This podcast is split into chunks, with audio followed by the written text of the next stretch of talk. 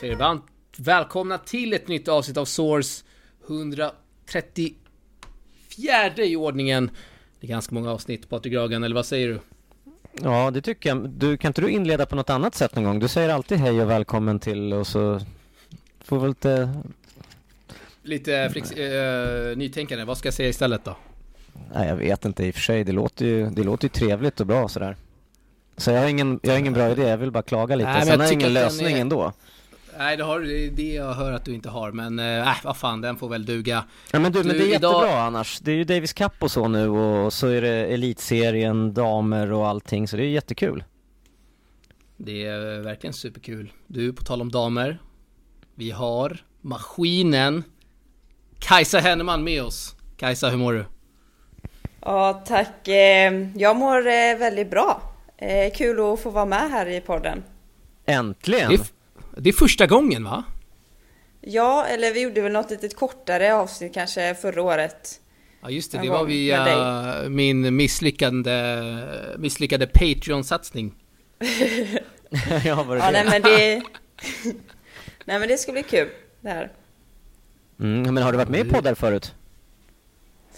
Eh, bara den här svenska eh, tennispodden med Torbjörn där.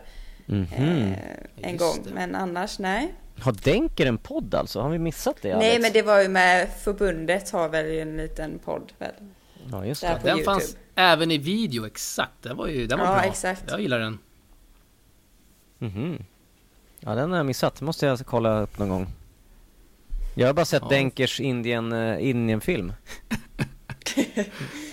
ja. Min Brida Bergvik. Du Kajsa, berätta hur läget i Helsingborg, är det mycket fys? Eh, eh, vad händer ja. just nu? jo, precis. Det är eh, väldigt mycket fys nu. Eh, I en eh, tre veckors period här nu som eh, eh, jag tränar lite mindre tennis än vanligt och lite mer uppbyggnad, styrka och springa eh, väldigt mycket. Det är fystester eh, nästa vecka eh, och sen efter det så blir det väl lite en vanlig träningsperiod där jag ökar eh, tennis, eh, tennismängden igen. Men den typen, men du Kajsa, den typen av fys som du kör nu, den kör man inte lika mycket alltså under, under året utan det är någonting man speciellt som man kör alltid när det är någon off-season eller? Ja, alltså jag kör väldigt mycket, mycket fys i vanliga fall också oavsett om det är tävling eller träning. Men nu är det mer väldigt mycket fokus på, eh, på uthålligheten och, och ut och springa kanske två, tre gånger i veckan. Eh, och det sliter ju mycket mer på kroppen än eh, det jag gör i vanliga fall. Eh, så det är väl det jag passar på att fokusera extra mycket på nu eh, som jag inte kan göra under tävlingssäsong. Och, och hur långt springer du när du springer? Men lite olika. Det var i går, måndag, så var det ju tre kilometer på tid. Sen imorgon blir det intervaller. Och sen eh, på fredag blir det lite eh, lägre tempo fast långdistans. Så jag mixar lite där. Just det. Fan vad jobbigt det låter som. Eh, ja, det, det, är jättejobbigt. Det är ju kul. Men Alex, du kommer Nej, ihåg när vi, när vi, hade, springa, när vi hade Maggo ja, i podden, han snackade ju väldigt mycket om att det är väldigt viktigt med löpning för tennisspelare. Att tennisspelare inte, typ inte skulle ha fattat det, att det är väldigt få som, som kör mycket löpning, men att han tyckte att fler borde köra löpning. Jag har hört att det där är väldigt individuellt. Vi har ju Jonathan Brida som eh, knappt löper någonting alls, utan han kör ju bara sin kondition på tennisbanan. Så jag antar väl att det, det svänger lite där mellan spelare. Eh, och så kan det väl vara, tänker jag. Eller? Vad tänker du Ragan? Mm, nej men jag tänker ju likadant eftersom inte vi, vi är inte så insatta i det kanske som, nej, som Kajsa är men, men uppenbarligen så, så är det ju väldigt värdefullt att just att mixa intervaller med, med lite långdistans långsammare för konditionen. Sen, sen ja. är det ju så som kanske ja, med Rida då gör, alltså under tävlingsperiod så har inte jag heller så mycket konditionsträning utöver det som eh, sker på matcher och träning. Eh, men ja, det är mer nu när jag drar ner på, på tennismängden som jag kan lägga lite extra tid på detta. Kajsa, du har bott i eh, Helsingborg nu, hur länge exakt? Jag flyttade hit eh, första februari i år, så inte jättelänge, men jag trivs bra faktiskt. Det är lite annorlunda såklart. Att flytta hemifrån blir det ju, bo själv. Eh, men eh, nej, jag trivs bra. Det är ju en eh, väldigt härlig klubb och bra, bra klubbkompisar och tränare och allting så nej, jag kommer nog fortsätta och vara kvar här. Jag gjorde ett litet besök här i helgen, ett snabbt besök. Mycket trevlig klubb, sköna, mycket sköna lirare framförallt. Ungdomarna där, ja, många är supersköna. Coacherna ja, likaså. Så att det var en jäkla bra stämning. Du har ju spelat en match här i Elitserien, antar att din fys gör med att du inte har spelat fler. Mm -hmm. Vad säger liksom själv om Ja men eh, liksom de yngre där i laget och kanske är det så också att du eh, Blir du liksom mentorn i laget för att du kanske tillhör en av de äldre också då, så eller? Eh, ja men vi har ju verkligen ett, eh, ett, yngre, ett yngre lag. Eh, men alltså det var ju så himla roligt att eh, få spela för Helsingborg. Jag var där och tittade när de mötte Uppsala hemma. Då fick vi stryk med 6-0 men det var fortfarande lika mycket alltså allé på läktaren även i sista matchen och det var ju alltså alla kämpade till sista boll och verkligen bra teamkänsla så när jag fick gå in i fredags och spela där så ja, det var ju bara att in och kämpa lika mycket som de hade gjort de andra matcherna. Eh, fantastiskt kul att höra stödet på läktaren. Eh, så nej, verkligen alltså. Ja, precis. Är det är riktigt sköna lagkamrater. Eh, så nej, jag, jag fick eh, visa, eh, ja men gå in och visa att, eh, och kämpa lika mycket som, som de hade gjort de andra matcherna. Det var ju bättre stämning än i Stockholm Open kan jag rapportera om till dig också Patrik Gragen. Fan, man skulle följt med där ner till Helsingborg. Låter det som. Ja, verkligen. Men eh, du nämner att du är hemma, bor själv. Mm. Eh, då undrar man ju såklart hur det är med eh, matlagningen, eller vad? Jag vet, jag vet att du har lite info där Patrik Gragan. Ja men eh, info, info, ja, det, det man, ja, Du har det, gjort research. Jag gör alltid massa research. Jag kanske till och med googlat fram ett matkonto från Kajsa, vem vet?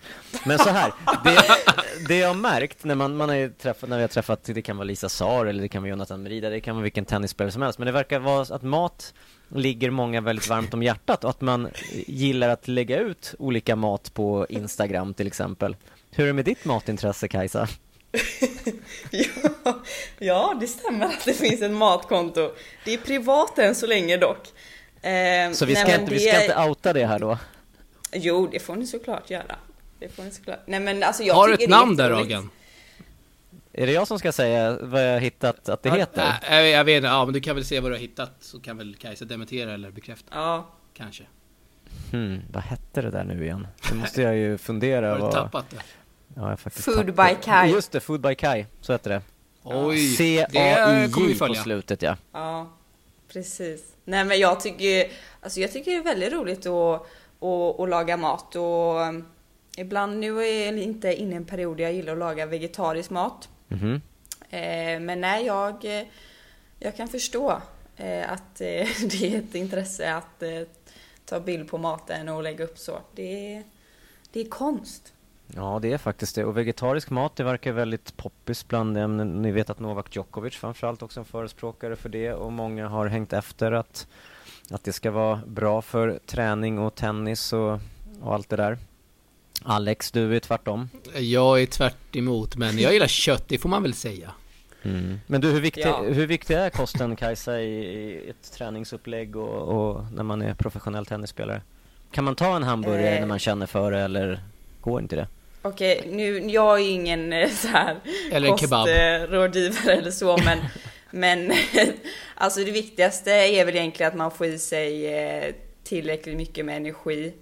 Eh, sen att det blir en hamburgare ibland, även kanske inte det är det bästa, det tror inte jag gör så jättemycket. Men ja, nu ska inte jag säga för mycket för jag har inte så mycket kunskap inom det här, men jag vet i alla fall att kosten är ju eh, alltså otrolig otroligt viktig eh, inom eh, idrotten och ja, framförallt när man tränar så mycket och tävlar så mycket och ja, men alltså just att man får i sig tillräckligt mycket energi. Eh, och det kanske är många gånger som som det hamnar lite i skymundan, eh, det här med kosten och allt det ämnet. Så nej men ja, det är alltså en jätteviktig del för att man ska kunna prestera så bra som, eh, som möjligt. Mm, mm. Jag har inte sett det här matkontot Food by Kai, men jag undrar ju såklart hur mycket kebab finns det på det här kontot? Eh, just nu väldigt lite. Oj. Nej men det är. Kanske jag får ändra på. Jag har faktiskt, ja men på tal om kebab, jag har hört att eh, din coach där, Mattias Arvidsson, han gillar kebab, stämmer det? ja, alltså det stämmer Riktig legend jag, alltså, Mattias Arvidsson. Jag kommer ihåg när det var Falkenbergs sommartour. Det här kanske inte han tycker om att jag säger nu, men det gör jag ändå. Eh, då träffade, det var, det var väl någon kväll där, när efter matcherna så, eh, jag var där med mamma och pappa, så gick vi in till hotellet så hade vi käkat middag och så kom Mattias där med kebabrulle i handen. Och det sa, då sa, sa min mamma direkt, äh, det här var smutsigt Mattias. ja, nej, han får, det blir inga kebabrullar när han är ute och reser med mig i alla fall. Jag stöttar, eh, stöttar det här. Mm. Magiskt. Ja, det är bra. Men du, ja, kul med intresse. Kajsa, du som reser så mycket, kollar du upp restauranger och så i förväg och, och eh, planerar vad man ska äta och verkligen sätter kosten eller maten i fokus också förutom tennisen? Ja, absolut. Eh, det tycker jag är viktigt att eh, jag får i mig. Framförallt frukosten tycker jag är väldigt viktig. Eh, att man startar dagen bra med liksom bra näring och energi. Men nej, men att kolla upp restauranger och så i närheten, det, det gör jag såklart. Eh, sen när jag åker med min pappa, då har han väldigt bra koll. Eh, han kan ju sitta i flera veckor innan typ och kolla upp sånt där. Eh, men, så, så, det betyder att han kan välja sånt som du inte vet om att han har valt så att det blir en överraskning för dig så att inte du kan ja. tappa kontrollen då? Ja, men mm. det kan bli någon överraskning. Men, eh, men han vet ändå vad jag tycker om och så. Eh, han tycker också det är viktigt att jag får i mig eh, bra mat. Så jag, jag litar på honom där. Ja, men det är bra. Det är för alla ungdomar här som lyssnar få höra hur viktigt det är med att man faktiskt inte bara tränar utan även äter bra. Får orka träna. Ja, verkligen. Du verkligen. nämner pappa Peter där, en riktig skön profil, Gaisare som du också är. Eh, vad har farsan för roll? Är han lite mer som en manager, agent eller mentor? Vad ja, skulle du säga? Han blir väl lite som en manager skulle jag säga. Eh, alltså innan jag eh, började med Mattias nu förra året så var det ju han som eh, reste med mig på tävlingen kan man säga. Eh, mest innan, ja jag fick ju lite hjälp av GTG också innan. Eh, men Ja, det är väl han som hjälper till mig med allting runt omkring egentligen. Eh, så jag slipper ja, tänka på alldeles för mycket. Men eh, sen är det ju också en, alltså min pappa som stöttar mig i, eh, ja, i, vardagliga, i vardagliga livet och allt sånt där. Så han eh, betyder jättemycket för mig och för min eh, satsning. Ja, fantastiskt. Du, eh, guys, mm. ska vi snacka om. Jag mm. vet att du är en uh, väldigt passionerad Guy-supporter. Hur... Uh, makrill heter det väl? Ja, makrillarna. Makrillarna. Kajsa, en makrill, Alex? Ja, jag är en makrill. Ja, Guys har ju legendariska fans. Uh, jag såg ju dem spela ja, för någon vecka sedan mot Akropolis mm, här i, i Bromma, Grimsta. Streamar du matchen när du liksom är borta och ja, men hur mycket följer laget? Men vänta nu, vilken ja, division jag... spelar de i? När du säger att de Nej, spelade... Jaha, så... Vi, förhoppningsvis spelar vi även i Superettan nästa år. Ja, det är så illa? Nu, exakt. Ja, ja. det är kval eh, borta nu på torsdag och sen avgörs det hemma på söndag. Men eh, jag har, eh, jag har koll alltså. Jag, när jag kan och har tid så tittar jag ju på, på alla matcher. Jag ska ju såklart eh, gå på matchen på söndag. Och förhoppningsvis så får vi stanna kvar i Superettan. Ja, det jag hoppas vi också när vi hör det här. Mm. För att du har ju stått i klacken har jag hört. Under åren. Jag? Eller? Ja. Ja, ja, ja, ja. Jag står i klacken när jag är där. Eh, det är ehm, fantastiskt kul att höra. Ja. Det är det är jättekul att få heja lite. Det är alltså... Nej, det är, man känner, vi krigar på. Vi vet hur det känns att hantera motgångar när man är Gaisare i alla fall. Du föddes som Gaisare antar jag då i min farsans? Ja, ja, jag har lärt mig att alla föds Gaisare. Egentligen, innerst inne. Ja, men det, det kan nog stämma. Ja men det är väl flera generationer bort för Kajsa som eh, det kanske till och med ligger i släkten eh, själva grundandet av Gais. Herregud vilken research du har gjort! Jävlar! Nu är till och med jag, nu är till och med jag imponerad. ja, det, ja, det stämmer. Det, det stämmer eller? Min, min farmors morfar var en av, nu vet jag inte exakt hur många, sju kanske, som eh, var med och grundade Gais 1894. Så det är en sodare att vi är Gaisare eh, mm. i släkten. Ja, det är fantastiskt ju. Ja, det är fantastiskt. Är det då? På tal om research, jag har ju fått en bild till mig när du spelade med, med en uh, Gais-klänning. oh, Riktigt fint. Ja. Det måste vara. Jag tänkte höra, den måste vi kunna ha som uh, omslagsbild till det här avsnittet. Ja, det är klart. Den är, jag, jag, hur gammal var jag? Jag var 11 och så spelade jag det här eh, kvalet till eh, Next Generation Cup Eh, och så var det semifinal så vann jag den matchen och så skulle jag gå till det här slutspelet i Båstad. Och då hade vi fixat så att en, ja, en skräddare eller något sånt hade sytt, upp, sytt om eh, en geiströja då till en eh, klänning. Eh, som jag spelade med. Så det var lite häftigt. Kanske jag inte hade vågat göra idag men ja. Men du Kajsa, spe, spelade du, alltså, du spelade fotboll i ett antal år när du var yngre samtidigt som du spelade tennis eller? Ja precis, jag började ungefär samtidigt när jag var sex år med både fotboll och tennis. Eh, och sen så, det var egentligen mest fotboll de första åren.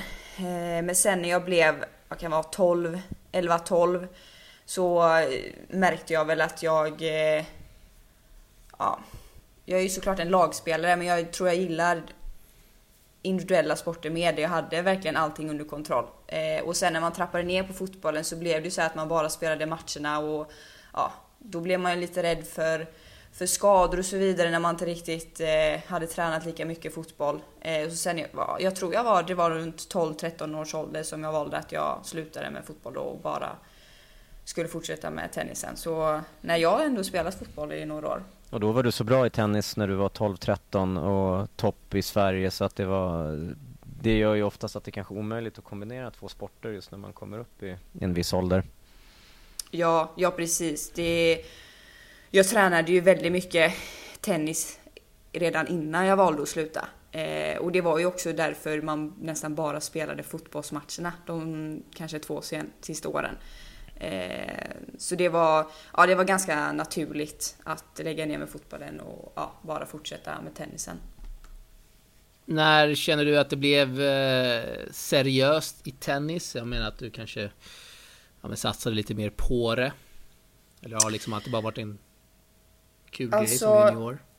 Jag vet att jag redan eh, alltså i tidig ålder så gick jag ju liksom runt och sa, alltså när någon frågade mig vad jag drömde om så var det ju alltid om jag ska bli, jag ska bli bäst, jag ska bli tennisproffs. Eh, utan att man kanske riktigt visste vad det innebar.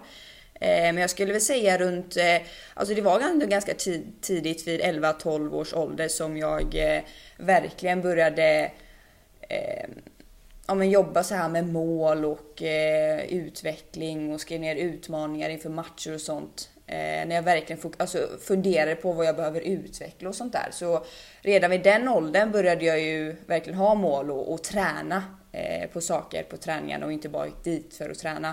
Eh, men sen, eh, alltså man lär sig saker eh, varje år vad man behöver förbättra och så vidare. Men eh, ja, ingen speciell ålder när jag ändrade någonting drastiskt liksom i min, i min träning så. Men det var väl runt, ja 12 års ålder som jag verkligen eh, satte upp mål och ja, jobbade enligt processen. Ja, fantastiskt. Du var ju väldigt framgångsrik som junior, både i Sverige och internationellt. Vi minns ju såklart Franska öppna där, kvartsfinal. Eh, hur, mycket, hur mycket tränade du som junior? Var det liksom... Ja, men två pass om dagen kombinerat med skola, eller hur, hur såg det ut? Ja, när jag gick i eh, grundskolan då, alltså när jag började sjuan. Eh, hur gammal är man egentligen då? 13. 13, 14, ja. Eh, det var väl först då jag började spela dubbla pass tre gånger i veckan kanske. Så då hade vi morgonträning två till tre gånger i veckan och sen så tränade jag alltid på eftermiddagen, kvällen. Eh, men jag gillade ju alltid träna på, på helgen också. Eh, och sen har vi alltid haft fys på klubben eh, när jag spelade i Ullevi. Så jag har ändå kombinerat tennis och fys eh, ganska mycket i, tid och ålder. Men sen nu, det var väl först egentligen när jag började gymnasiet som jag körde morgonträning varje dag. Då det verkligen blev eh, en och en halv timme gånger två eh, till exempel. Ehm, men man får ju hela tiden öka successivt. Framförallt med fysträningen skulle jag säga. Där eh, egentligen det senaste året som jag verkligen, verkligen har eh, inte ökat mängden men alltså sättet jag eh, tränar fysen. Eh, att det verkligen är liksom kvalitet och eh, ja, jag känner att jag utvecklas eh, väldigt, väldigt mycket där. Eh, så nej men jag, ja, jag har väl tränat ganska mycket men det har ändå kommit successivt och jag har inte liksom stressats fram någonting så. Vem bestämmer hur du ska köra fysen då? Alltså programmet, upplägget? Eh, just nu är det ju min fystränare eh, Anders Lindsjö heter han. Eh, som jobbar på Olympic Lifting School här i Helsingborg. Och han, vi började köra från i år. Eh, från jag började, eh, eller från att jag flyttade hit. Eh, och det har ju funkat eh, jätte, jättebra. Men innan dess har det ju varit fystränare eh, på klubbnivå då i Ullevis eh, regi. Mm. Vad är det för övningar då? Det låter eh, tufft, hårt. Lifting school? Ja, ja precis. Nej men eh, det är väldigt, eh, men det är liksom blandat med eh, olympiska lyft och mycket knäböj. Vi har mycket, kört mycket explosiv, explosiv styrka, hopp. Ja, nej men alltså sånt som som kanske inte där och då är så tennisrelaterat men det är liksom det jag behöver utveckla på banan och jag har verkligen känt eh, att, det, att det hjälper mig på banan. Jag känner mig mycket starkare och snabbare. Eh, och nu det senaste halvåret så har jag verkligen hållit mig skadefri samtidigt som att jag kunnat öka träningsdosen. Så nej men jag är väldigt nöjd med, med det upplägget. Alex, du behöver inte ens testa att göra det själv. Du, Kaj, Kajsa springer ifrån dig lätt i både intervallerna och i olympiska lyft. Det där är ingenting du gör på gymmet Patrik. Jag ser bara lite jogging och sköna selfies. ja, ja precis. Jag klär mig bara snyggt och så, så går jag runt och minglar lite. Ja men exakt. Du, eh, Kajsa, vi backar bandet här som... Det var junior. Jag har ju hört talas om ett pris du gjorde själv i träslöjden. Åh oh, herregud av mig! Åh oh, herregud, oh, gud, Den här researchen är på en annan nivå. Alltså ni måste ju ha kontaktat pappa Henneman här. Det har vi inte. Vi avslöjar inte våra källor här. Åh herre, jag blir nästan lite nervös nu för resten av podden vad som ska komma upp här. Nej men ja precis. Eh, ja, på tal om det här med eh, när man eh, bestämde sig för att satsa eller så. När man, eh, nej men när jag var 10 år tror jag det var. Så skulle jag ju spela SM första gången som 12-åring inomhus på GLTK. Och ja, jag vet inte var det självförtroendet kom ifrån men då gick jag in till träslöjden, man, man fick göra vad man ville. Och då gjorde en pokal. en pokal och så stod det SM-guld då, flicksingel 12. Ja, men eh, jag förlorade tror jag första omgången och sånt där så Men jag tycker ändå att det där, är, det där har med drömmar att göra också Vilket jag kan tycka att, att även otrolig, om Otrolig story. Även om det inte Om man kan tycka att det är lite kaxigt att man gör en sån här grej Så handlar det också om att det kanske är någonting som man Ser sig själv vilja och jag tycker att det är jättepositivt att, att faktiskt ha sådana visioner även om du då i det här fallet inte vann och förlorade stort i första omgången men kanske lärde dig att oj, jag måste träna hårdare för att nästa gång ska jag vinna eller vad det nu kan vara. Ja. Så, ja. ja men så är det. Det är ju det är ändå lite roligt. Det är ju alltså de här drömmarna och målen, man har ju ändå haft dem sen man var, sen man var liten och det är ju som du säger, det kommer inte alltid gå som man vill men man får ju bara lära sig och fortsätta träna ändå. Men du Kajsa, när vi är inne på det här med, med att förlora och så, hur, hur hanterar du förluster eller eh, på banan? Det känns som att du är väldigt lugn ofta. Eh. Ja, eh, men det är också en sak som jag får träna på mycket. När jag var yngre, eh, då var jag inte alls särskilt bra på att hantera motgångar. Eh, då var det verkligen så här, förlorade jag en match då, alltså jag kunde ju gråta nästan i 24 timmar i sträck eh, och trodde ju att karriären var över. Men det är ju sånt man får, eh, alltså efter varje förlust så lär man ju sig någonting nytt och eh, nu vet jag ju att efter förluster så, så är det ju bara att, att fundera och reflektera över vad man hade kunnat göra annorlunda. Eh, vad man ska träna på när man kommer hem och men även lyfta fram de bra sakerna man, man har gjort under en match. Eh, så det är mycket det, att man får eh, ja, bara ta det lugnt och, och, och, komma hem och träna på, på det man eh, ja, kanske skulle gjort annorlunda och då vet ju att resultaten och vinsterna kommer komma av sig själv i alla fall. Mm, Patrik, du nämner ett lugn där, kan jag bara intyga om. Eh, väldigt lugn på banan. Det är, ja, men det är skönt, det är kul att se sådär. Men jag undrar också så här, har du har liksom någon gång fått en varning under ja, din seniorkarriär? Eh, Slängt ja, åt racket eh, eller något liknande? Nej, nej, inte på grund av det, men Nej, nej inte, inte en sån varning. Jag, jag har aldrig slängt något rack. Eh, Eh, eller, eller så. Är det inte skönt, det, det att, ju... inte skönt att bara avreagera sig och göra det någon gång? Du kanske inte har testat det? Eftersom du är lugn Nej. och du tycker det är viktigt att uppföra sig och sådär.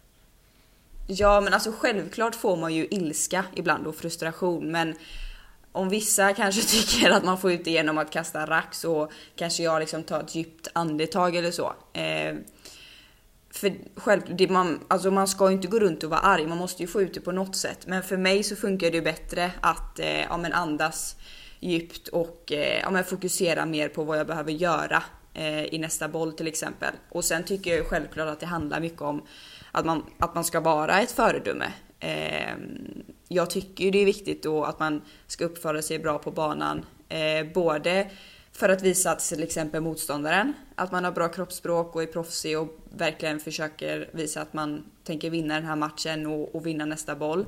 Men också för folk som tittar runt omkring eller ja, men yngre spelare.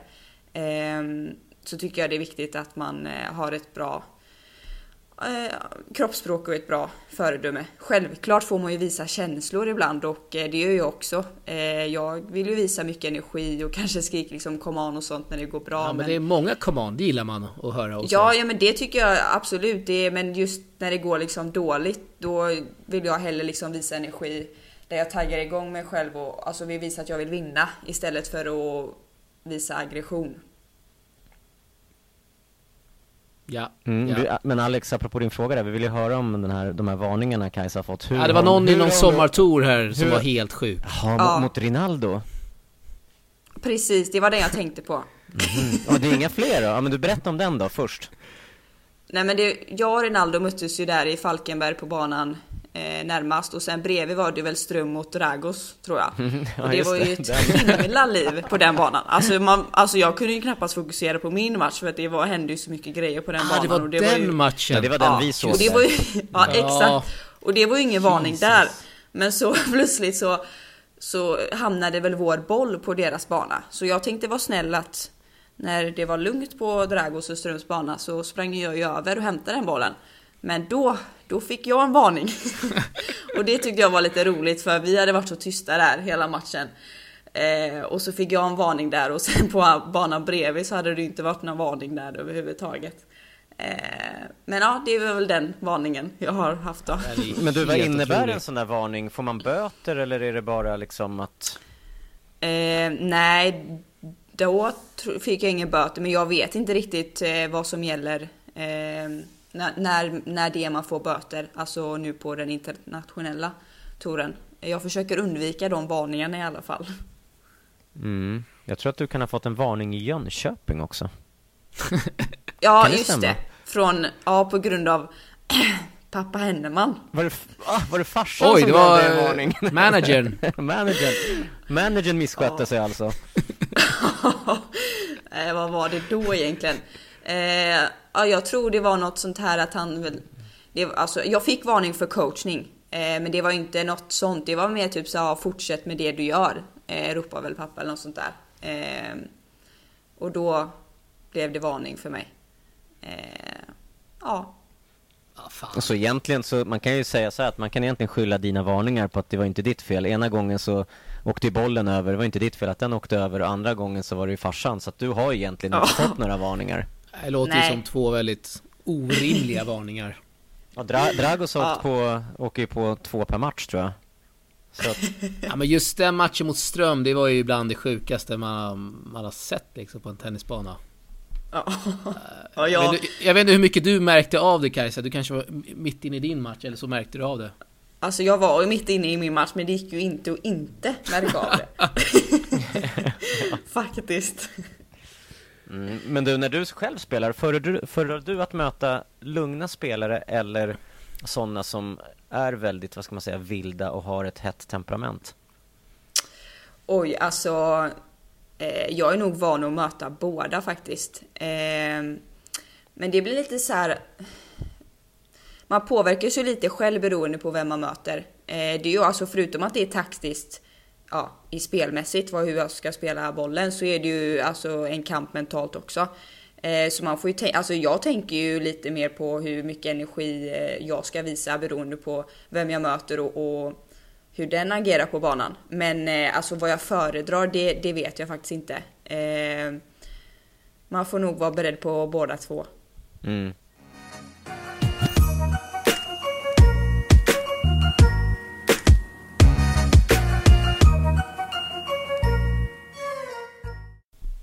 Mycket, mycket intressant. Du Kajsa, hur ser du på ditt år 2021?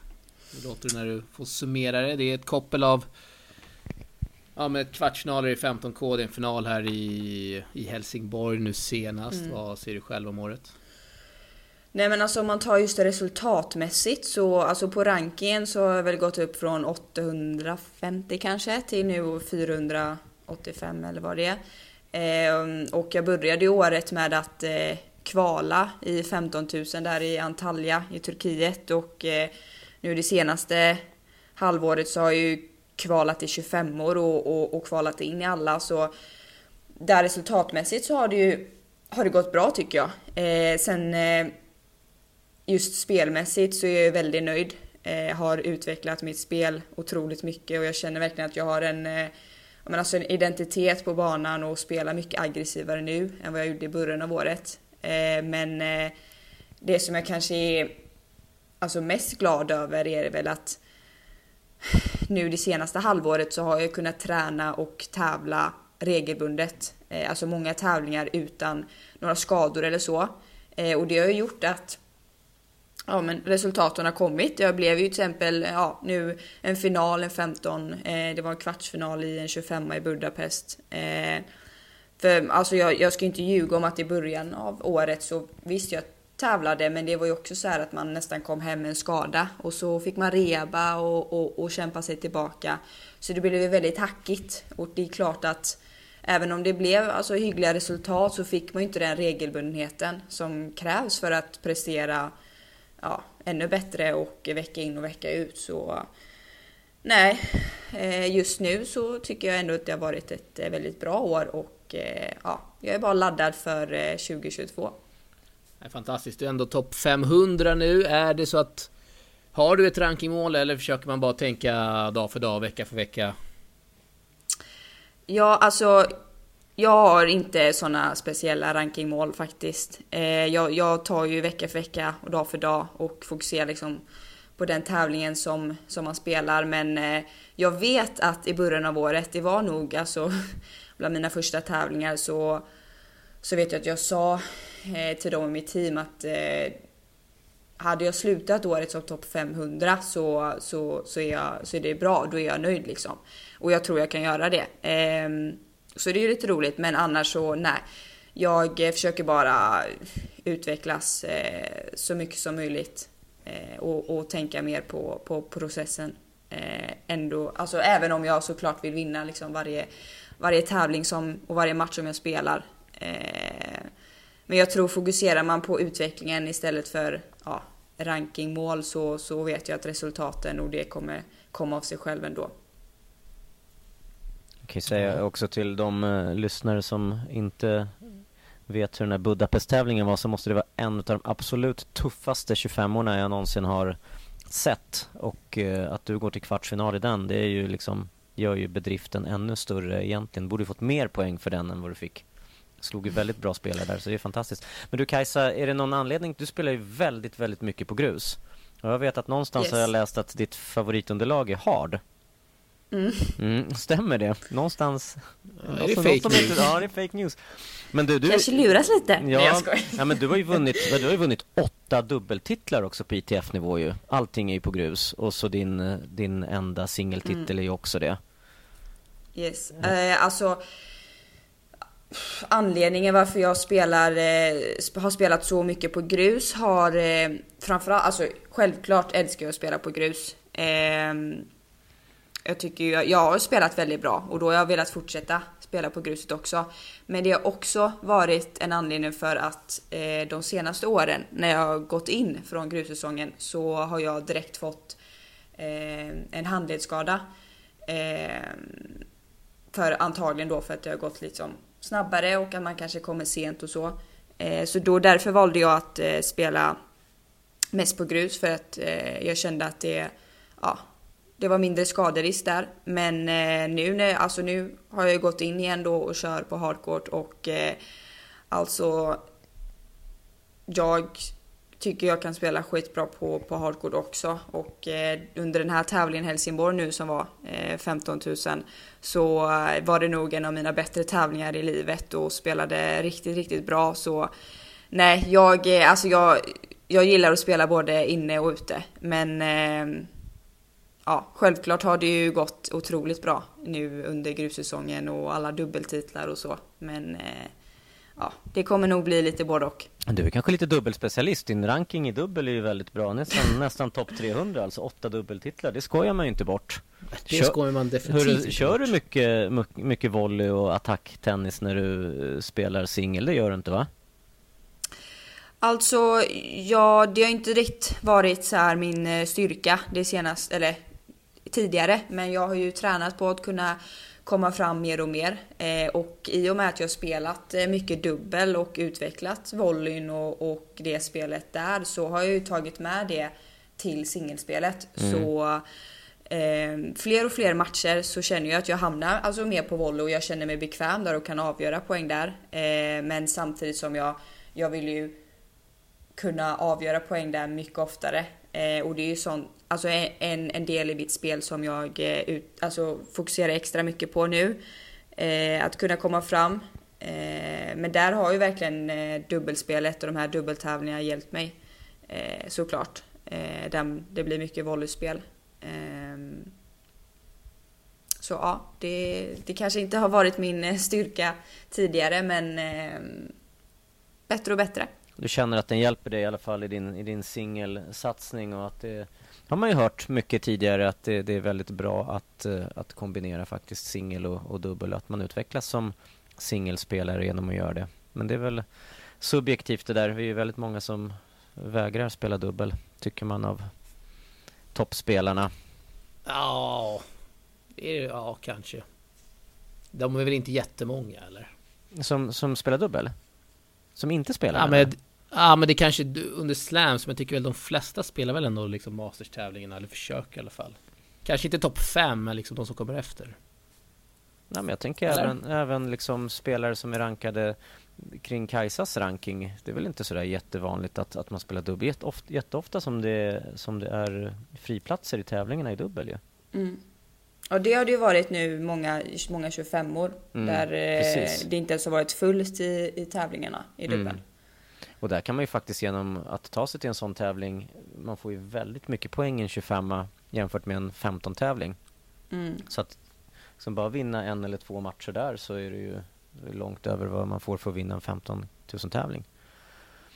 Så att, eh, ja men du apropå det Kajsa, då kommer man in på det här med tävlingsplanering. Det är ju jag och Alex eh, snackat väldigt mycket om generellt. Ja, kring... det är din specialitet ja, men jag, jag, älskar ju det här med tävlingsplanering, men jag tycker att det är väldigt, väldigt komplext och svårt också. Allting beror ju på såklart vilken plats man har på rankingen och, och jag kan ju tycka så här utan att veta mer att nej, men Kajsa ska inte spela 15 K-tävlingar för att det är alldeles för lite poäng och och hon är så pass bra så att räcker med att vinna en match i en 25 så måste du typ gå till final i en 15 eller vad det är och det är väl större sannolikhet att du gör och så. Och till nästa år har de ju faktiskt sagt att det, att det ska komma lite mer tävlingar och det kanske blir lättare att planera och sådär. Men hur, hur mycket tid lägger du ner och är det, är det tillsammans med, med pappa som du gör de här planeringarna? Managern. Managern, ja. Eller hur tänker man ja, när man men... lägger upp en tävlingsplanering? Ja men alltså självklart är det ju som du säger beroende på ranking och allt sånt där. Men det är också att jag vill ha en liten mix med eh, kanske motstånd och eh, nivå och antal matcher. Eh, nu har det ju varit, i år så spelade jag väldigt mycket 15 000 i början och eh, under sommaren. Eh, just för att det blev ju så hackigt i början och jag fick inte så många matcher och då ville jag spela 15 för att, ja, då kanske chansen var större att man fick spela fler matcher. Mm. Eh, men nu så har jag ju spelat mycket mer 25 år och som du säger, alltså jag har ju kvalat in i alla som jag spelat och eh, ja, men vunnit eh, några, några matcher i huvudtävlingen. Eh, och eh, just det, alltså jag kommer ju antagligen spela fler 25 år eh, i början av nästa år än vad jag gjorde det här året. men ja, just planeringen, det är ju pappa faktiskt som eh, har en stor del. Eh, eller han bestämmer mycket eh, och ger tips och råd samtidigt som jag har bra hjälp av Mattias och hela mitt team. Ehm, men hur vi lägger upp den, det beror mycket på som sagt att, man, att jag vill ha en bra mix. Alltså 25 år just nu så innebär det ju antagligen kval och jag möter många gånger spelare som är bättre rankade eh, än mig. Eh, och det blir en helt annan sak än att spela 15 000 där man kanske är liksom sidad och ja, har pressen på sig om man ska säga så. Mm. Eh, och eh, jag tycker det är liksom viktigt att ja, men mixa det för att kunna hantera både att vara underdog och sen vara favorit. Eh, men självklart så, så vill jag ju sträva efter att spela större tävlingar. Då är det där motståndet är bättre och det är liksom där jag kommer klättra på rankingen. Eh, jag vill ju absolut inte stanna på, på 15 000 nivå men ja, ibland får man ju, kommer jag behöva spela en sån tävling kanske för att få matcher och, och hantera det mentala och så vidare. Mm. Yes, du eh, Kajsa, du har eh, du har mött åtta spelare som är topp 100 just idag. Det är allt från Iga Swiatek till US Open-finalisterna Leila Fernandez, Emma Raducanu, Eh, det har också mött eh, Marta Kostjuk, Rebecca Petersson och eh, Clara Tauson. Clara Tauson är den enda du har plusstatistik på. minns du de, de matcherna till att börja med? Mot Klara? Mot, ja, eh, jag tror det är en i ett 14-års EM. Sen är det en Tennis Europe-final. Eh, sen blir jag lite osäker om det är någon gång till vi har mött varandra. Men ja, det är jag minns verkligen de matcherna. Det har varit eh, stentuffa matcher. Eh, men jag tycker det är alltså häftigt att se hennes, eh, hennes resa. Eh,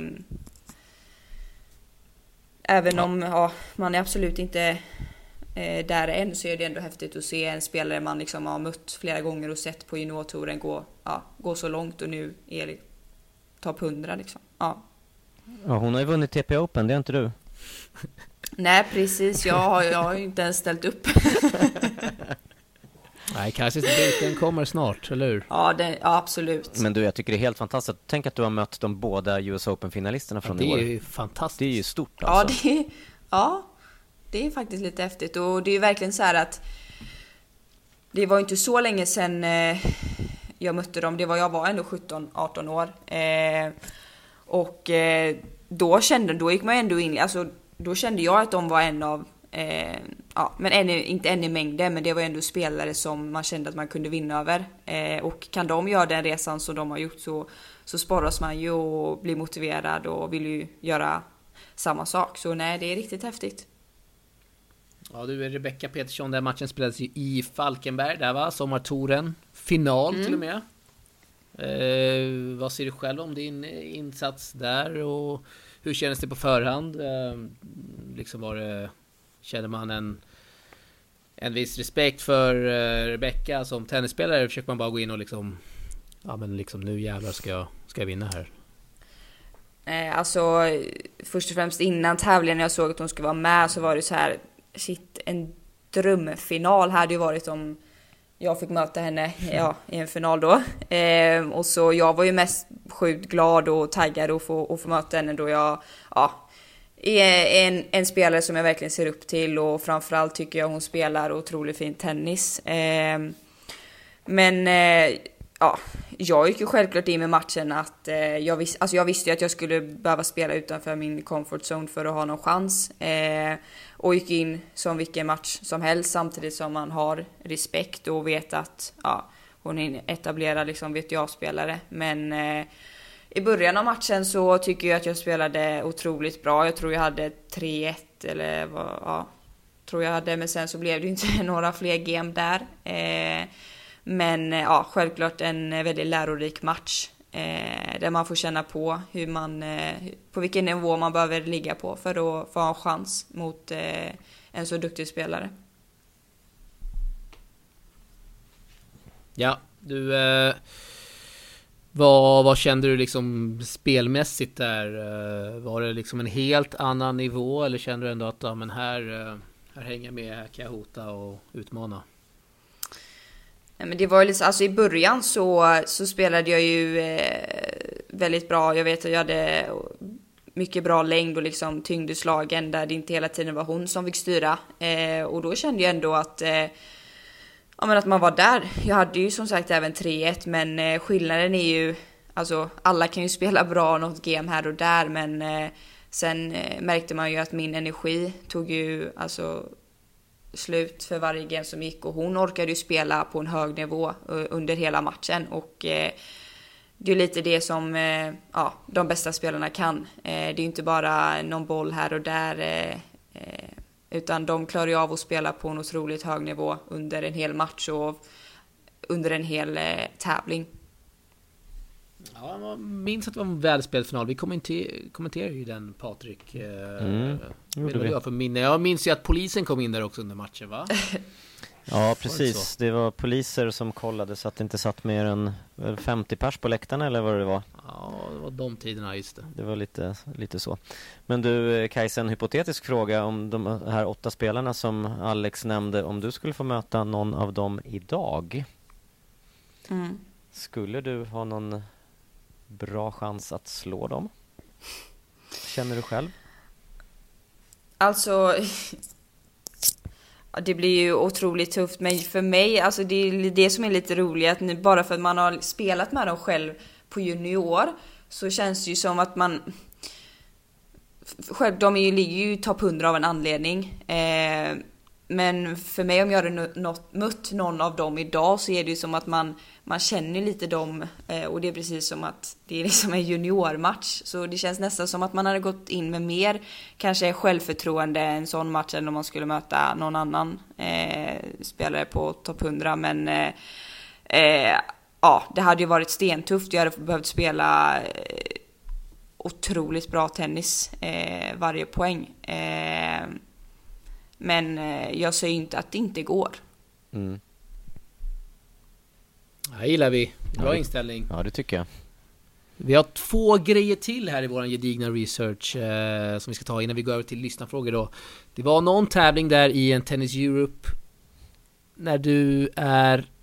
Mm, jag minns inte riktigt, men det var en utländsk tävling i alla fall. Wahlstedt Tennis Europe tror jag den hette. Eh, och du, ska, du, du fick, fick väl uppgift att hitta lite utländska träningspartners, eller hur? Och det var någon inbollning mm. som... Eh, alltså det här är ju så pinsamt. Som skulle gå åt skogen för att din fröken hade bara lärt dig frukter på engelska. alltså det här är inte sant alltså. Alltså jag kommer ringa upp min pappa efter det här och skälla ut honom. Ah, ja precis. Det är alltså, fantastiskt. Jag var där med min familj och min tränare. Och min tränare ville att jag skulle öva på att eh, ja, men snacka med andra spelare och så och ta för mig lite. Så jag kommer inte riktigt ihåg vad det var jag skulle göra.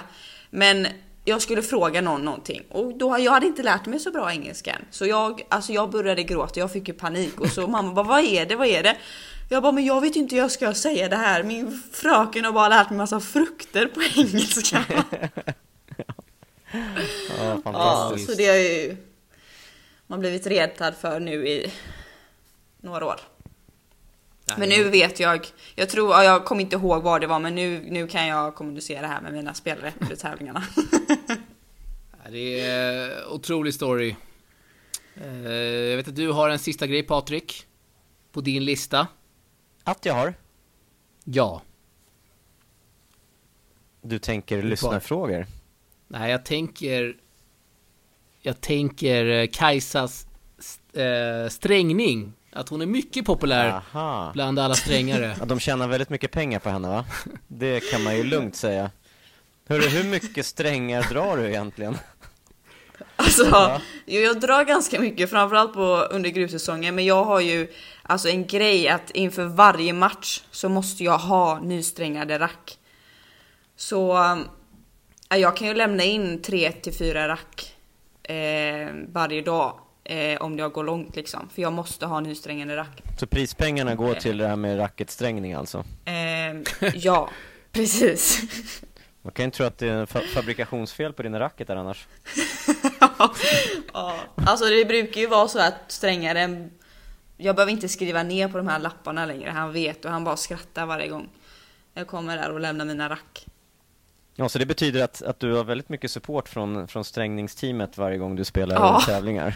De ser sig ja, själva tjäna, de, tjäna jävligt precis. mycket pengar. ja, nästan så. Ja, ja, ja. Det är fantastiskt. Ja, ja Patrik. Lyssnarfrågor?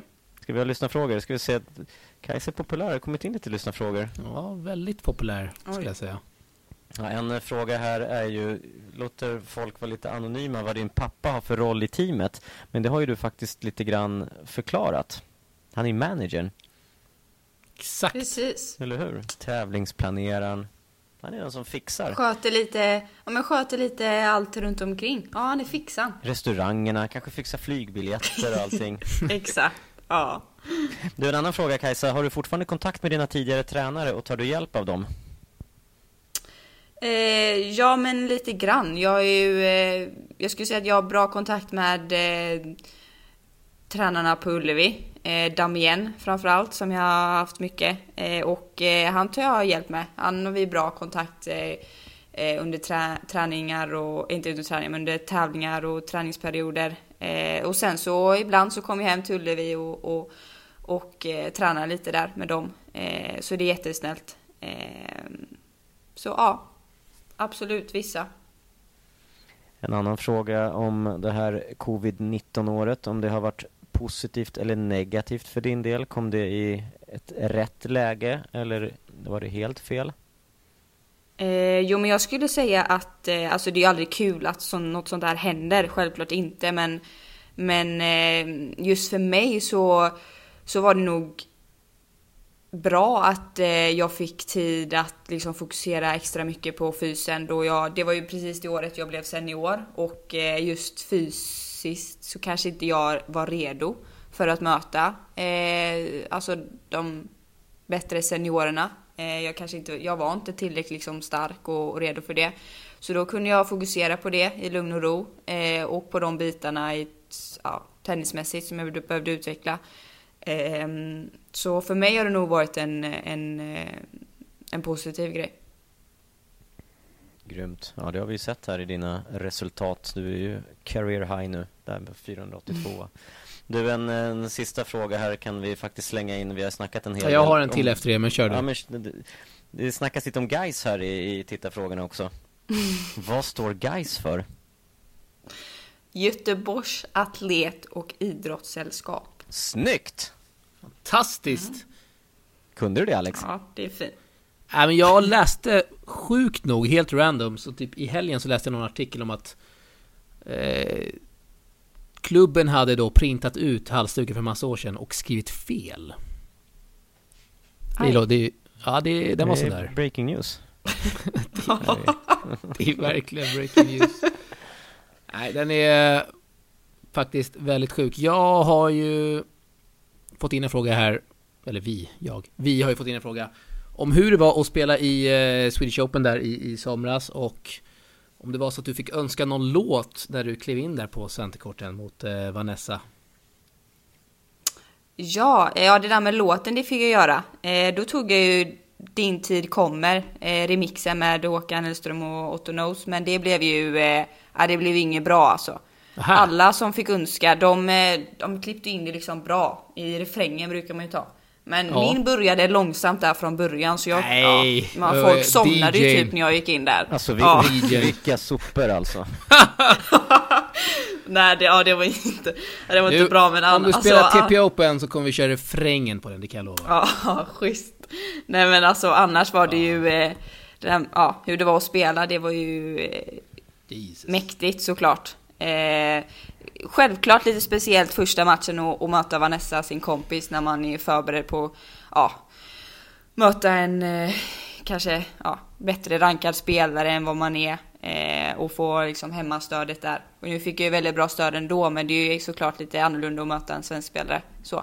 Men eh, självklart jättekul och ännu roligare att man fick eh, vinna där i Båstad på Centercourten. Det är ju ett av eh, årets eh, höjdpunkter, självklart. Ja men fantastiskt. Uh, ja, det var de frågorna vi valde ut. Mm. Patrik, hur... Uh, vad tar du med efter det här samtalet med Kajsa? Uh, jag tar med mig hur tufft det är att vara en tennisspelare på Kajsas nivå. Hur mycket saker och ting som hela tiden måste klaffa rätt. Vilken press man har och hur mycket jobb och hur noggrann, noggrann man måste vara för att uh, verkligen göra allting på, på rätt sätt och vara mentalt och fysiskt väldigt stark. Det här är ju, eh, tycker jag, helt, helt otroligt. Eh, helt enkelt. Allt ja. det Kajsa gör och, och, och eh, kämpat sig upp till den rankingen hon har och, och det här är ju bara början på, på din resa, låter ja, det som. Låter väldigt eh, målmedveten och allt så positiv och det är kul, och, kul att höra. Nej, mycket kul. Det tar jag med mig. hur eh, kändes det själv? Nej men eh, jätteroligt eh, att jag fick vara med. Vad har vi missat att fråga? ja, exakt. Ja, har ni än missat någonting tänkte jag säga där. Jag var inte riktigt förberedd på den här researchen men eh, det var, det var roligt. Det är roligt såklart. Eh, nej men jättekul och stort tack för att, eh, för att jag fick vara med. Det är vi som, eh, vi som tackar. Och på tal om låt. Du ska faktiskt få önska en låt oj, här oj, som oj. vi eh, klipper in. Alltså jag känner så här, vi måste ladda upp inför, eh, inför matchen på torsdag. Oj, så jag vill höra nu kommer de med attentat. Snyggt! Vilket avslut! Mm. Ja. Nu vet ju Alex inte vad det här är för låt. nej, det, nej, nej, det vet inte. Alltså jag klipper in den här. Så Alex musiksmak, den är... Eh, det är bara Einar och grabbarna, men vad fan. Eh, vi klipper in den här och eh, säger återigen ett stort tack Kajsa. Vi önskar all lycka här 2022. Tack så jättemycket. Ja, tack verkligen. själva. Lycka till Kajsa. Kör hårt. Så är vi tillbaka snart igen. Stort tack. Hej! Yes!